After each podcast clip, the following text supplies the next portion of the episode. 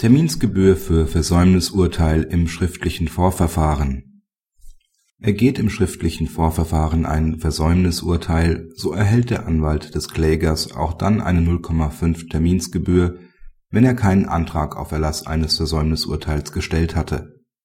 Der dem Kläger im Wege der Prozesskostenhilfe beigeordnete Anwalt hatte es nach Klageeinreichung versäumt im schriftlichen Vorverfahren den Antrag auf Erlass eines Versäumnisurteils für den Fall zu stellen, dass der Beklagte seine Verteidigungsbereitschaft nicht rechtzeitig anzeige (§ 331 Absatz 3 ZPO).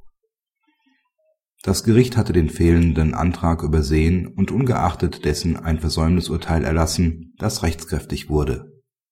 Der Anwalt hatte daraufhin unter anderem eine 0,5 Terminsgebühr nach Nummern 3104 und 3105 Vergütungsverzeichnis zum RVG zur Festsetzung angemeldet. Diese Gebühr setzte der Urkundsbeamte mit der Begründung ab, es sei kein Antrag auf Erlass eines Versäumnisurteils gestellt worden, so dass eine Terminsgebühr nicht angefallen sei.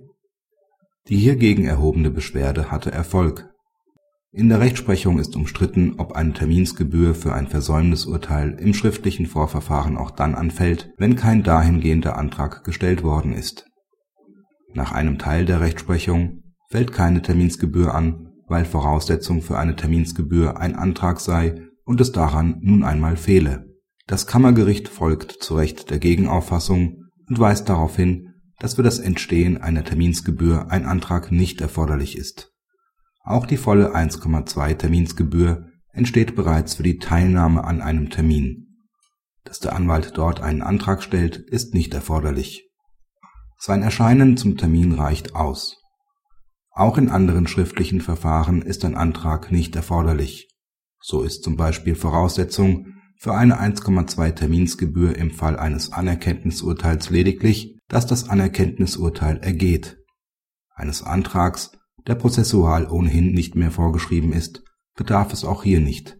Nichts anderes gilt dann aber auch im Fall eines Versäumnisurteils, abgesehen davon, dass schon der Wortlaut, worauf das KG ebenfalls zu Recht hinweist, eindeutig ist.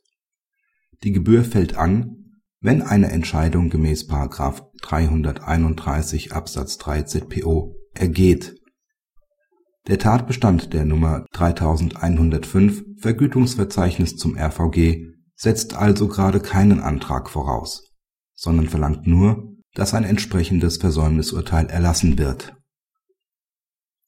Praxishinweis Eine höchstrichterliche Entscheidung des BGH zu dieser Streitfrage fehlt bislang.